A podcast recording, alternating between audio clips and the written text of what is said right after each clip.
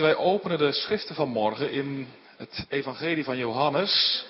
We lezen hoofdstuk 3, de versen 1 tot en met 21. Johannes 3, 1 tot 21 is de schriftlezing voor vanmorgen. Het woord van de Heer komt als volgt tot ons.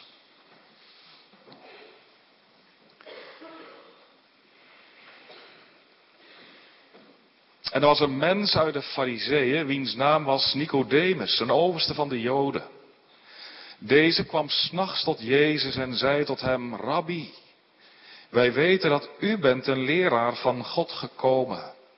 Want niemand kan deze tekenen doen die u doet, zo God met hem niet is. Jezus antwoordde en zei tot hem, voorwaar, voorwaar zeg ik u, tenzij dat iemand wederom geboren worden, hij kan het koninkrijk van God niet zien. Nicodemus zei tot hem, hoe kan een mens geboren worden nu oud zijnde? Kan hij ook andermaal in de buik van zijn moeder ingaan en geboren worden? Jezus antwoordde, voorwaar, voorwaar zeg ik u, zo iemand niet geboren wordt uit water en geest, hij kan in het koninkrijk van God niet ingaan. Hetgeen uit het vlees geboren is, dat is vlees. En hetgeen uit de geest geboren is, dat is geest. Verwonder u niet dat ik gezegd heb, u moet wederom geboren worden. De wind blaast waarin hij wil en u hoort zijn geluid, maar u weet niet van waar hij komt en waar hij heen gaat. Alzo is een ieder die uit de geest geboren is. Nicodemus antwoordde en zei tot hem, hoe kunnen deze dingen geschieden? Jezus antwoordde en zei tot hem, Bent u een leraar van Israël en weet u deze dingen niet? Voorwaar, voorwaar zeg ik u, wij spreken wat wij weten en getuigen wat wij gezien hebben. En u neemt onze getuigenis niet aan. Indien ik u de aardse dingen gezegd heb en u niet gelooft, hoe zult u geloven indien ik u de hemelse zou zeggen? En niemand is opgevaren in de hemel dan die uit de hemel is neergekomen, namelijk de zoon des mensen die in de hemel is. En zoals Mozes de slang in de woestijn heeft verhoogd, alzo moet de zoon des mensen worden verhoogd. Opdat een ieder die in hem gelooft, niet verderven, maar eeuwig leven hebben. Want alzo lief heeft God de wereld gehad, dat hij zijn enige geboren zoon gegeven heeft, opdat een ieder die in hem gelooft, niet verderven, maar het eeuwige leven hebben. Want God heeft zijn zoon niet gezonden in de wereld opdat hij de wereld veroordelen zou, maar opdat hij de wereld door hem, maar opdat de wereld door hem zou behouden worden. Die in hem gelooft wordt niet veroordeeld, maar die niet gelooft is reeds veroordeeld, omdat hij niet heeft geloofd in de naam van de enige geboren Zoon van God. En dit is het oordeel dat het licht in de wereld gekomen is. En de mensen hebben de duisternis liever gehad dan het licht, want hun werken waren boos. Want een ieder die kwaad doet, haat het licht en komt tot het licht niet, opdat zijn werken niet worden bestraft. Maar die de waarheid doet, komt tot het licht, opdat zijn werken openbaar worden, dat zij in God gedaan zijn. Tot zover de schriftlezing. Gemeente, het is vermoedelijk een van de meest bekende woorden uit de Heilige Schrift. Johannes 3, vers 16. Al zo lief heeft God de wereld gehad, dat hij zijn enige geboren zoon gezonden heeft, opdat een ieder die in hem gelooft niet verderven, maar eeuwig leven zal hebben. Het is een heel bijzonder woord. Een woord uit de mond van de Heer Jezus zelf. Het zuivere evangelie. Maarten Luther heeft ooit gezegd dat het goed zou zijn als predikanten er eenmaal in het jaar over zouden preken. Elk jaar één keer, Johannes 3, vers 16. Nu, we willen vanmorgen het met de hulp van de Heer doen. Een thema voor de prediking. Gods weergaloze liefde. We hebben drie gedachten.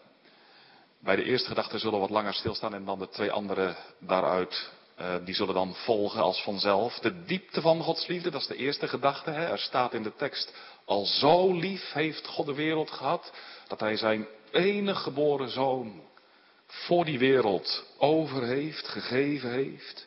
In de tweede plaats, het geloof in die liefde. Hè, daar staat op dat een ieder die gelooft. En in de derde plaats, het behoud door die liefde. Hè, daar staat in de tekst, niet verderven, maar eeuwig leven zou hebben. He, dus Gods weergaloze, diep, Gods weergaloze liefde. We letten op de diepte van deze liefde, het geloof in deze liefde en het behoud door deze liefde. Gemeente Maarten Luther heeft er als kind waarbij, waarschijnlijk wel eens bij gestaan bij de ovens in de bakkerij van de woonplaats waarin hij opgroeide, IJzenach. Als de bakker dan de zwarte stalen deur van de oven opende en er de broodjes uithaalde, was er altijd wel een mislukt exemplaar bij. En dat was dan voor de kinderen die toekeken. Heer, voor jou, zei de bakker dan. Als de deur van de oven openging, ja, dan kwam een hete gloed je tegemoet. Je kreeg het er warm van. Later, toen Maarten Luther predikant was geworden en het woord verkondigde in Wittenberg, op veel andere plaatsen, zei hij wel, zo is God nu. Een bakoven van liefde. De warmte van zijn liefde komt je vanuit zijn hart tegemoet. Nu dat God zo is, een brandend vuur van liefde voor zondaren, dat blijkt volgens de kerkhervormer ook wel in het bijzonder uit het schriftgedeelte wat wij samen hebben gelezen. En ook uit de woorden die de Heer Jezus spreekt in Johannes 3, vers 16. Al zo lief heeft God de wereld gehad. Dat hij zijn enige geboren zoon gezonden heeft. Opdat een ieder, wie hij ook zij, die in hem gelooft, niet verderven, maar eeuwig leven zal hebben. Als er één tekst in de Bijbel is waarin het evangelie schittert, zei Luther, dan is het dit woord wel. Elke christen, zei hij ook, zou dit woord uit zijn hoofd moeten leren en moeten kennen. En hij zegt, moet je opzeggen, s'morgens. Als je wakker wordt. Overdag, als je bezig bent met je bezigheden. Haal dit woord voor de geest. Zijn woorden, zegt hij ook, die aangevochten gewetens kunnen vertroosten. Zijn woorden die dode zondaren tot leven kunnen verwekken die een bedroefd gemoed vrolijk kunnen maken. Dat is wat de Heilige Geest wil doen en dat doet hij als hij er zijn goddelijke kracht aan verbindt. Nu, we willen er vanmorgen met de hulp van de Heer bij stilstaan. En ja, ik heb in de gedacht, in de, in de voorbereiding ook wat laten leiden door um, ja, de verkondiging van Luther. Hij heeft er zelfs zo'n tien keer over gepreekt en, en, en wat gedachten ook uit die preken in de preek die ik heb voorbereid verweven. Luther spreekt heel teer over deze woorden. Eerbiedig ook. Dat God nu zijn zoon naar deze wereld zendt. Om zondaren te behouden. Ja, je proeft aan al wat hij schrijft. De verwondering, hè. En hoop dat iets van die verwondering vandaag ook uw hart en mijn hart mag vervullen.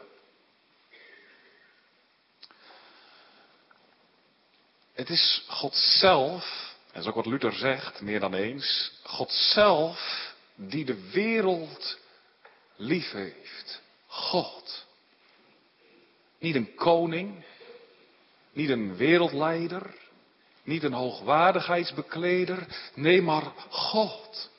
God zelf heeft de wereld lief. En dat hij de wereld lief heeft, dat blijkt wel uit het feit dat hij de wereld een geschenk geeft. Ja, en alleen al het feit dat God de wereld een geschenk geeft. Hè, dat mag ons al wel verwonderen. Zou je niet onder de indruk zijn als je morgen een telefoontje zou krijgen vanuit het paleis in Den Haag? Koning Willem-Alexander, die wil je opzoeken en die wil je een geschenk persoonlijk overhandigen. Zou je dat vinden? Jij hoeft niet naar hem toe, maar hij komt naar jou. Zou je toch versteld staan? Zeg, ho majesteit, komt u bij mij? Wilt u mij iets geven? Nou vandaag komt de Heer zelf hoogst persoonlijk tot u. De koning der koningen. De allerhoogste, de almachtige, die de wereld in zijn hand draagt. Die zo groot is. Die de zon het licht geeft. Heel het heelal heeft geschapen. Al die planetenstelsels. Die duizenden miljoenen sterren. Heeft ze uitgestrooid, hè? En hij kent ze allebei namen. Die God komt vanmorgen tot je. En hij zegt, ik heb een geschenk. Een gave. God geeft. Is wat hè? God geeft. Uit liefde. Al zo lief heeft God de wereld. God geeft niet uit, uit noodzaak, omdat hij daartoe gedrongen wordt, omdat hij dat moet, omdat hij dat verplicht is. Nee, uit vrije liefde. Ongedwongen. Van harte. Hij meent het. Als je van iemand iets krijgt, een geschenk. En als het een geschenk is wat heel mooi is en waarvan je denkt van ja, dat, dat, dat is nou juist ook wat ik zo graag wil hebben. En je, je krijgt het van iemand, ja dan word je blij niet waar. Hè? Maar als je dan kijkt naar het gezicht van diegene die jou dat geeft en je ziet van ja, hij geeft het me, maar hij doet het met tegenzin. En zo van, nou ja, hier heb je het dan. Als je het dan, dan zo graag wil hebben, nou dan wil ik het je wel geven. Maar als je dan ziet, ja, iemand geeft dat niet verblijd en ook van harte. Dat is eigenlijk niet mooi, hè? Toch? Maar zo doet God het niet. Hij komt en hij geeft zijn zoon. En hij doet het van harte. Omdat hij dat wil. Van harte. Het komt uit zijn hart. En dat maakt het geschenk zo waardevol. God schenkt het uit liefde. Hij vraagt er niets voor. Hij hoeft er niets voor terug. Kijk, anders zou dan is het geen liefde. Hè? Als God zegt van nou ik wil het je wel geven, maar dan wil ik er ook wel iets voor terug. Voor wat hoort wat? Ik geef u iets, geeft u mij iets. Nee, God zegt nee, nee, ik geef uit liefde en dat betekent ik hoef er niets voor terug te ontvangen. Anders zou het werken zijn, dan zou het verdienen zijn. Maar God zegt nee, je hoeft het niet voor te werken. Ik geef het uit genade. En je vereert me ermee. Als je aanneemt wat ik je aanbied. Zie, God geeft. Ach, hoe wonderlijk, te meer ook als je bedenkt wat God geeft en aan wie. Wat geeft God? Nou, niet een groot kapitaal. Niet een groot geldbedrag. Ook niet een prachtig huis, een landgoed. Hè? Nee, God geeft zijn zoon. Zijn lieveling. En daarmee geeft God niet veel. En daarmee geeft God ook niet heel veel. Maar daarmee geeft God alles. Alles. En de tekst zegt het vanmorgen. Al zo lief heeft God de wereld gehad dat hij zijn enig geboren zoon gegeven heeft. Zijn zoon, zijn enig geboren zoon. Dat Griekse grondwoordje dat daar staat, monogenes, dat betekent eigenlijk, hè, dat woordje dat ziet eigenlijk, hè, dat werd in de tijd van de Heer Jezus al gebruikt, als het ging om een heel bijzondere relatie tussen een vader en een zoon. Dat kan hè. Dat je als vader een heel bijzondere band hebt met je zoon. één zoon. Ik heb één zoon. En, dat, dat, als je daar dan een heel bijzondere band mee hebt, dan werd dit woordje in het Grieks daarmee gebruikt. Hè? Enig geboren. Maar dat betekent eigenlijk vooral enig en uniek. En vandaar ook dat in sommige Engelse Bijbelvertalingen al wordt geschreven. The one and only son. De enige, unieke zoon. Dat is wat dit woordje wil zeggen. God heeft één zoon. En met die zoon een volkomen band van liefde. Een hartelijke band. Een tere band. Een volmaakt zuivere liefdesband. Salomo spreekt daar ook onder andere over in het boek Spreuken. Hoofdstuk 8 bijvoorbeeld, daar lezen we dat God een zoon heeft. En die was spelend voor zijn aangezicht. En God had in die zoon al zijn vermaak. God zag zijn zoon en ja, God zag in hartelijke liefde op hem neer. Mijn kind, mijn troetelkind, die hij zo lief had, in wie hij al zijn vermaak stelde. Ho, als God naar zijn zoon keek, en dat is wat hij voortdurend deed, dan, dan, dan, dan, dan, dan, brandde het hart van liefde. En dan gaf hij zijn zoon alle liefde. En zijn zoon gaf alle liefde aan de vader terug. Zijn één en zijn al. Nu God de Vader geeft deze zoon aan de wereld. God de Vader zendt deze zoon naar de aarde. God de Vader laat deze zoon neerleggen in de kribben van Bethlehem. Geef deze zoon over in handen van mensen.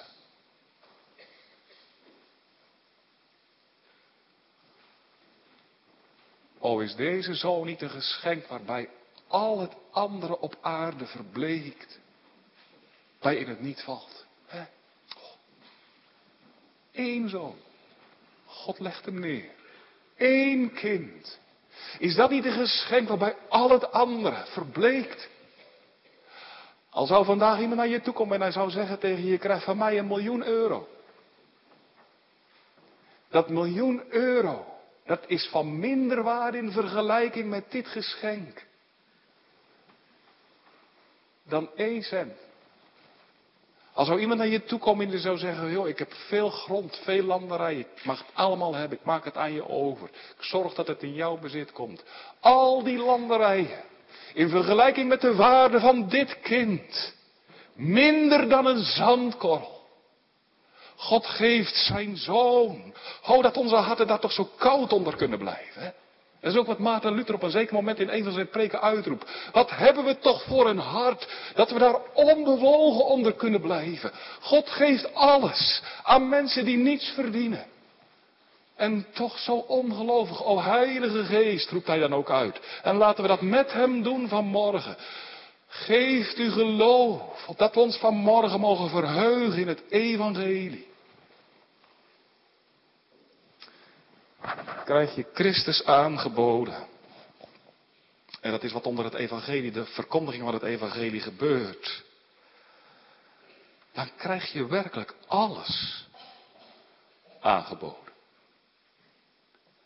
Christus. En met hem alles, want alles behoort Christus toe. De hemel behoort Christus toe. De aarde behoort Christus toe. De engelen behoren Christus toe. Dat is alles bij het aanbod van de Heer Jezus Christus inbegrepen. Paulus zegt dat ook in 1 Korinthe 3. Alles is van u, zegt hij. Het zij Paulus, het zij Apollos, het zij Petrus, het zij de wereld, het zij het leven, het zij de dood, het zij tegenwoordige dingen, het zij toekomende dingen. Alle zijn van u, want u bent van Christus en Christus is van God. Maar o, het allergrootste is Christus zelf. Wordt u aangeboden om niet De meest beminnelijke persoon ooit op aarde. Van wie het hart vervuld is met liefde. Enkel liefde. Van wie het hart vervuld is van wijsheid. Meer wijsheid heeft hij dan Salomo, de meest wijze koning ooit. Die macht heeft zoveel. Alle macht op deze aarde zijn niet bestand tegen de macht van deze Heer Jezus. Maar bovenal, die gerechtigheid heeft. Gerechtigheid, ja. Die de wet van God heeft vervuld. Alle geboden. En die ook de toorn van God, de vloek van de wet, heeft gedragen. Een diep lijden aan het kruis van Golgotha. Deze Heer Jezus wordt de wereld gegeven. O vele, vele duizenden mensen hebben zich in de afgelopen eeuwen al hun geluk in Christus gevonden. En ze hebben in vervoering uitgeroepen. Al wat aan hem is, is gans begeerlijk. Is blank, hij is rood. Beminnelijk vorst. Uw schoonheid hoog te loven gaat al het schoon der mensen ver te boven. God geeft deze zoon. Aan wie? Wel, dat zegt de tekst ook, aan de wereld. Al zo lief heeft God de wereld gehad. Dat hij zijn enige geboren zoon aan die wereld heeft gegeven. In het Grieks, daar staat dat, weet je, heb je vast wel eens gehoord. Het woordje kosmos. God heeft de kosmos lief gehad. Wat betekent dat? Kosmos betekent twee dingen. In de eerste plaats, eh, het ziet op, op, op heel, het, heel de schepping. Het hele universum waarin wij leven. De zon, de maan, de sterren, deze aarde, de zeeën, de bergen. Al wat leeft, heel de kosmos. Die, kosmos is uit de hand van de Heer voortgekomen. Hij heeft ze geschapen. En hoe wonderlijk, hoe heerlijk ook. Maar wat God geschapen heeft, heeft hij lief. Blijkt ook wel uit zijn goede zorgen. Hij verzadigt al wat leeft, zegt Psalm 145, naar zijn welbehagen. Dat is ook zo kostbaar woord. En naar zijn welbehagen. Het is het wel, dat, dat is nou wat God behaagt. Hè, om zorg te dragen voor zijn schepping. Nou, die kosmos heeft God lief. Toch is dat niet zozeer waarop Johannes het oog heeft. Hij heeft eerst en vooral het oog op, en dat is het tweede wat met kosmos wordt bedoeld. Johannes heeft eerst en vooral oog op heel de mensheid. De mensheid zoals zij nu vandaag is. De gevallen mensheid. De in opstand gekomen mensheid. Die. De kosmos is de mensheid die tegen God in opstand is gekomen. De mensheid als rebellerende mensheid die met de rug naar God toestaat. Dat is de kosmos van Johannes 3, vers 16. Het gaat over de grote mensenmenigte. En daar behoort u ook toe. Jij ook. De grote mensenmenigte die in opstand is gekomen tegen de Heer. En die maar één neiging heeft.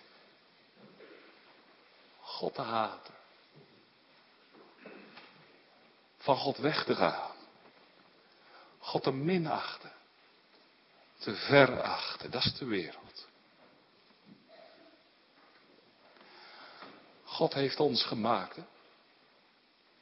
Goed en rechtvaardig. Wij zijn als een pronkjuweel uit zijn hand voortgekomen. Plaats gekregen in het paradijs. Oh, toen heeft het ons niet goed gedacht om deze God te eren, die zo heerlijk is en zo groot en zo vol van liefde en, en heiligheid. Toen hebben we het aangedurfd en oh, wat hebben we toch gedaan? Met deze God te breken.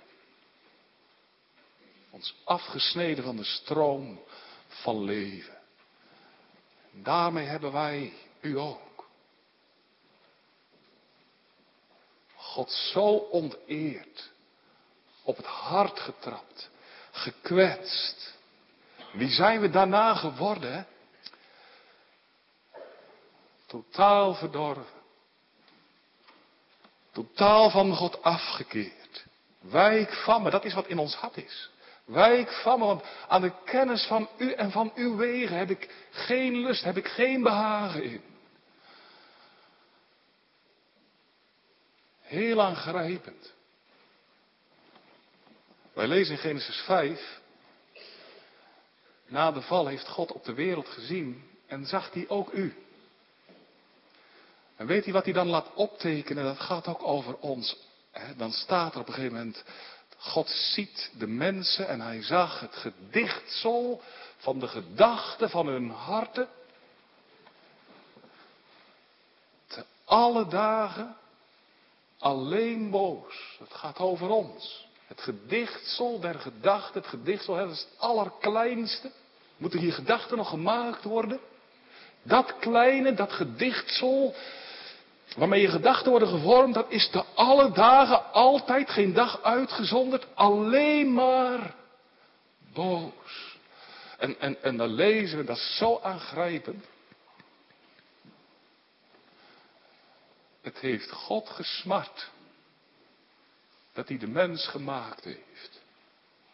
Het is natuurlijk menselijk gesproken, maar het heeft God aan het hart gesmart dat hij de mens heeft gemaakt. Moet je vragen of de Heer je dat laat zien. Krijg je zelf ook smart. O Heer, wat heb ik gedaan? Ik heb u onteerd, mezelf van het leven beroofd, de dood in de wereld geroepen. Die aangrijpende, machtige vijand. En wat doet God nu? Hij laat die wereld niet los. Nee. Hij geeft die wereld niet over aan zichzelf. Hij ziet in liefde en genade op die wereld neer. Hij geeft haar zijn zoon. Zijn enige geborene. Zie. Zo lief heeft God nu de wereld. Ongekende liefde.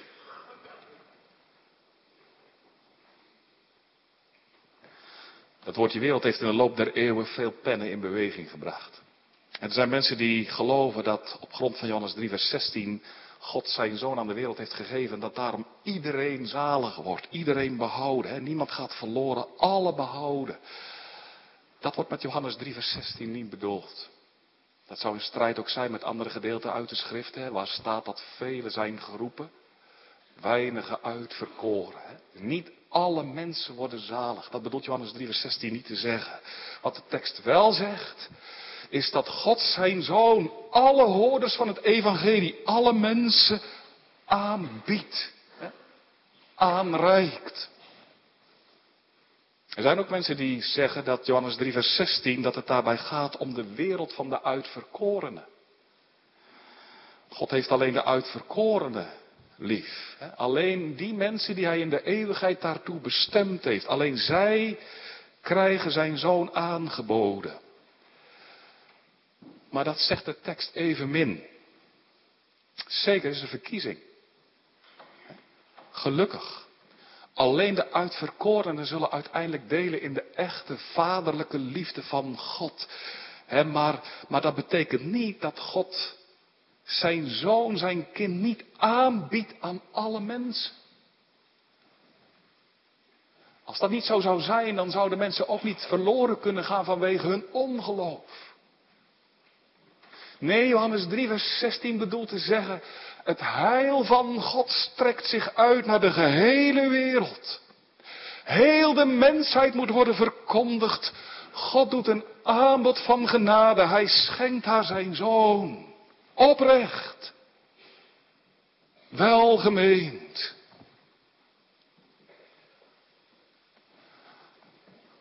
O, dat God dat doet.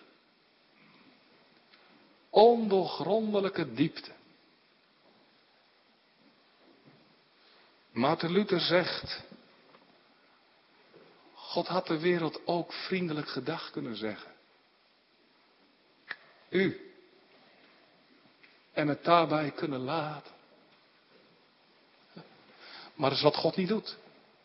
Geeft zijn zoon aan de wereld. En nogmaals, wat is de wereld? Luther zegt. Nou, je komt wel veel met Luther vanmorgen. Vergeef mij. Luther zegt. De wereld is een beestenstal.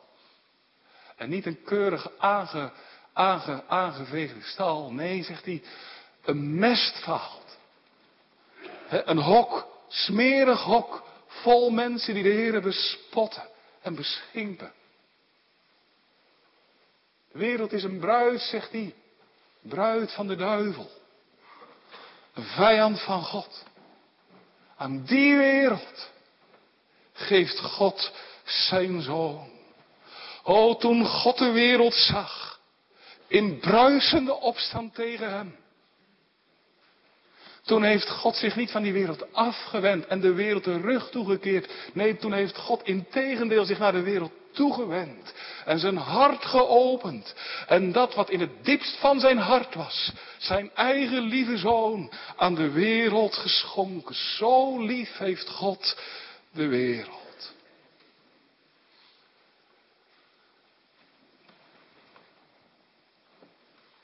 Maar dominee, ik heb vanmorgen een vraag. De Bijbel zegt toch duidelijk dat God vertorend is op zondaren. Klopt het dan wel als je zegt dat God de wereld lief heeft? Zwaar, de Bijbel spreekt nadrukkelijk over de toorn van God.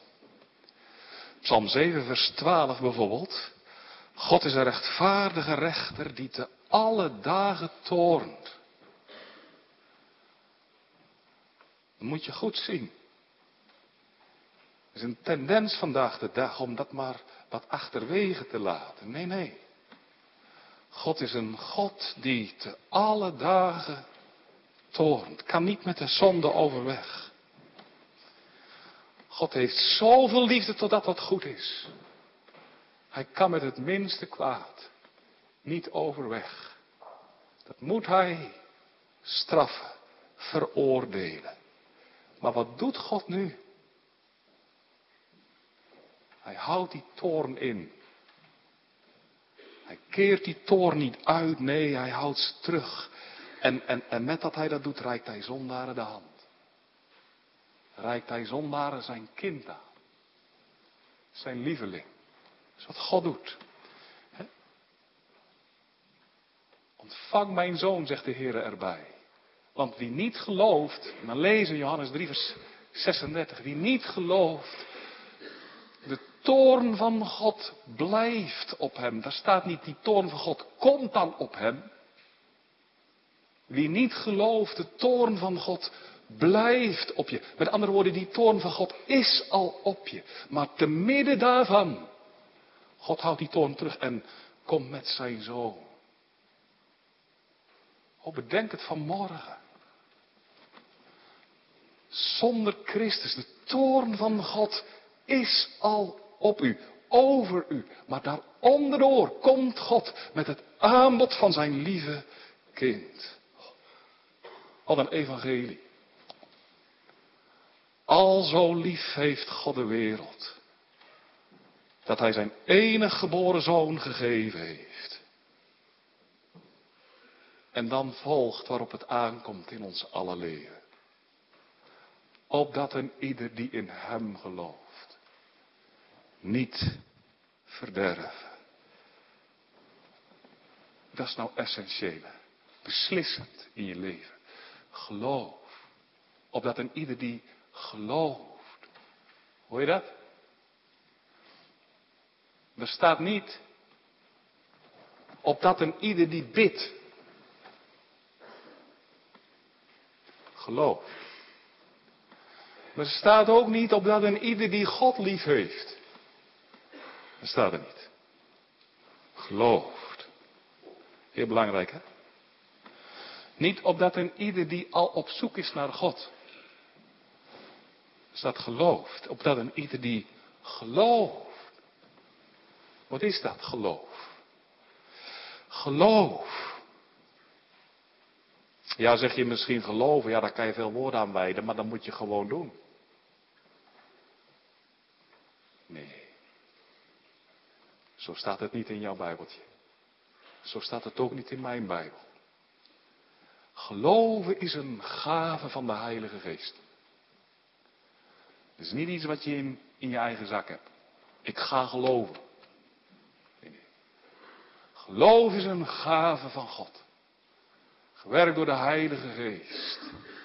En daar gebruikt hij het evangelie voor. God doet het. God doet alles. Gelukkig. God dank.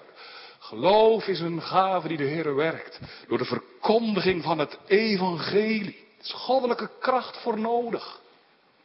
Wat gebeurt er als een mens tot geloof komt? Twee dingen.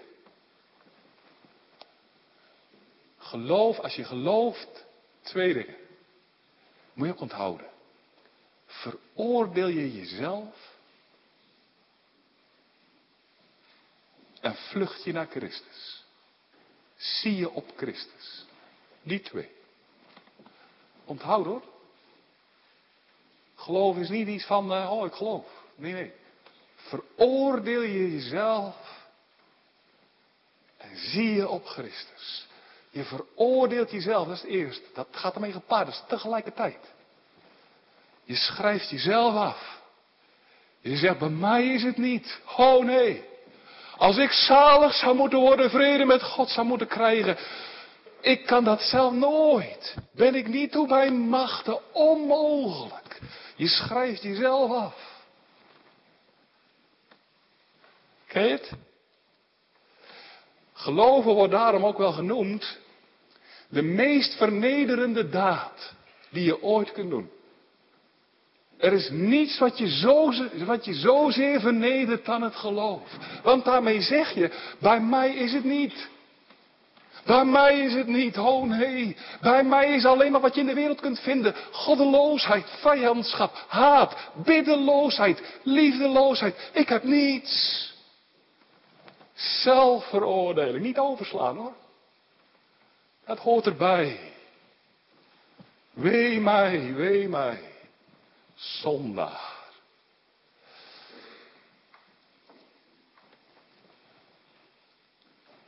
Dit vinden wij zo moeilijk, hè? Vechten we tegen. Dat komt omdat we niet willen worden wie we zijn, zondaar.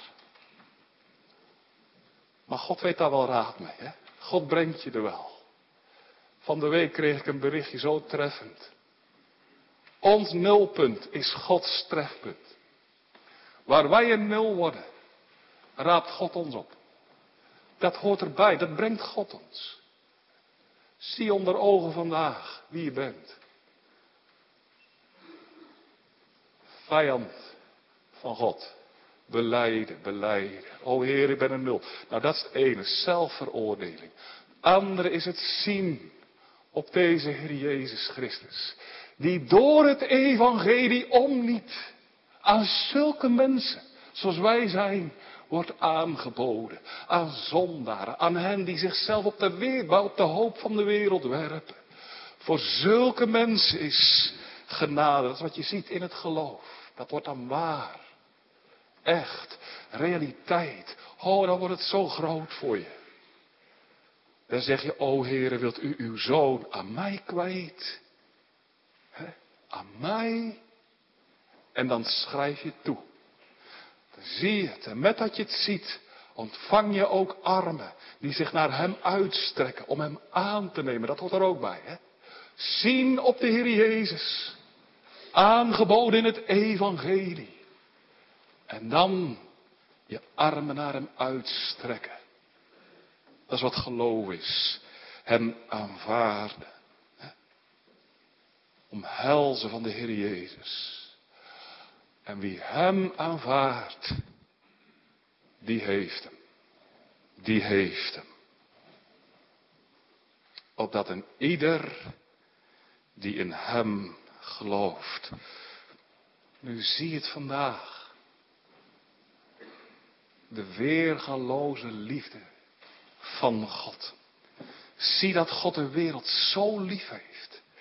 Dat hij zijn enige geboren zoon aan die wereld geeft. Dat hij daarmee alles geeft. En niets voor zichzelf overhoudt. O ga aan dit geschenk niet voorbij. Sla het niet af. Erken vanmorgen wie je bent. O Heer, ik ben een groot zondaar. Ik heb niets verdiend, maar ik zie het vanmorgen. U komt tot mij met dit grote genadegeschenk. Uw lieve Zoon, de Heer Jezus. Verwerp hem niet. O, allerernstigst om tegen de wet te zondigen. Dan zal God zeggen tegen je, ga weg van mij. Maar oneindig veel erger is het om het tegen het evangelie te zondigen. Dan zal het de klacht zijn straks in alle eeuwigheid. O, had ik hem aangenomen. Had ik hem die mij in het evangelie werd aangeboden, ontvangen en mij toegeëigend. En daarom geloof.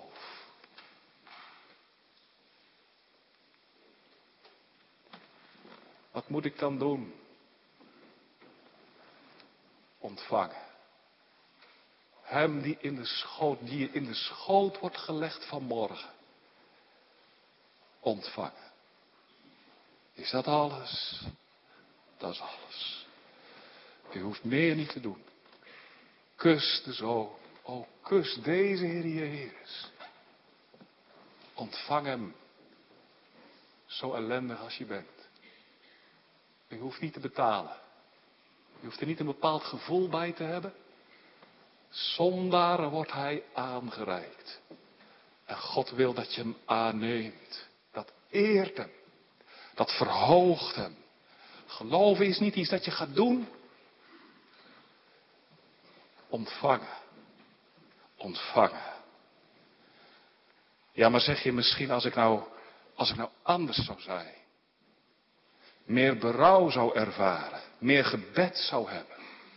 Dan zou ik denken dat God ook zijn zoon mij nabij brengt. Maar zo zoals ik ben. Wel, God geeft zijn zoon aan het menselijk geslacht. Hoort u daar niet bij? Maarten Luther zegt, als je daaraan twijfelt, moet je even aan je oor voelen. Dan weet je het. Ik ben een mens. Ik maak deel uit van de wereld. God geeft zijn zoon de wereld. En zoals God nu door zijn liefde een gever is. O, wordt zo door het geloven ontvanger. En wie Christus ontvangt, die zal niet verloren gaan, maar eeuwig leven. Weet je wat er gebeurt als je Christus in de armen mag nemen? Op hetzelfde ogenblik verdampen al je zonden. Al. Worden alle weggenomen. Als een strohalm in een groot vuur. Als een druppel op een gloeiende plaat. Allemaal weg. God ziet ze niet meer. God ziet u aan in de Heer Jezus Christus. En dat mag je worden verkondigd. Wie in Christus gelooft, is behouden. Hij betaalde voor u. Je ontvangt eeuwig leven. Je goede werken doen er niet meer aan toe. En je slechte werken, je zonden doen er niet meer aan af. Het ligt vast in het werk van Christus alleen. Behouden. U mag zingen. Ik zal niet sterven, maar leven. Dat is wat, hè? Niet sterven, maar leven. Nu jaagt de dood geen angst meer aan. Alles, alles is voldaan. Is een aangevochten zaak, o zeker. In mijn leven ook. Denk ik, o Heere, vergis ik me niet. En daarom moet je het elke keer weer horen, hè? Elke keer. Luther zegt ook ergens, jongens, wat is het belangrijkste orgaan wat je hebt? Je hart? Je longen? Luther zegt je oren. Om het evangelie te horen. Om te horen wie wij zijn voor de Heer. En te horen wie de Heer is voor ons. Een God van genade. Die tot ons komt. En die zegt, oh hier is mijn lieveling. Ontvang hem. En u hebt eeuwig leven. Amen.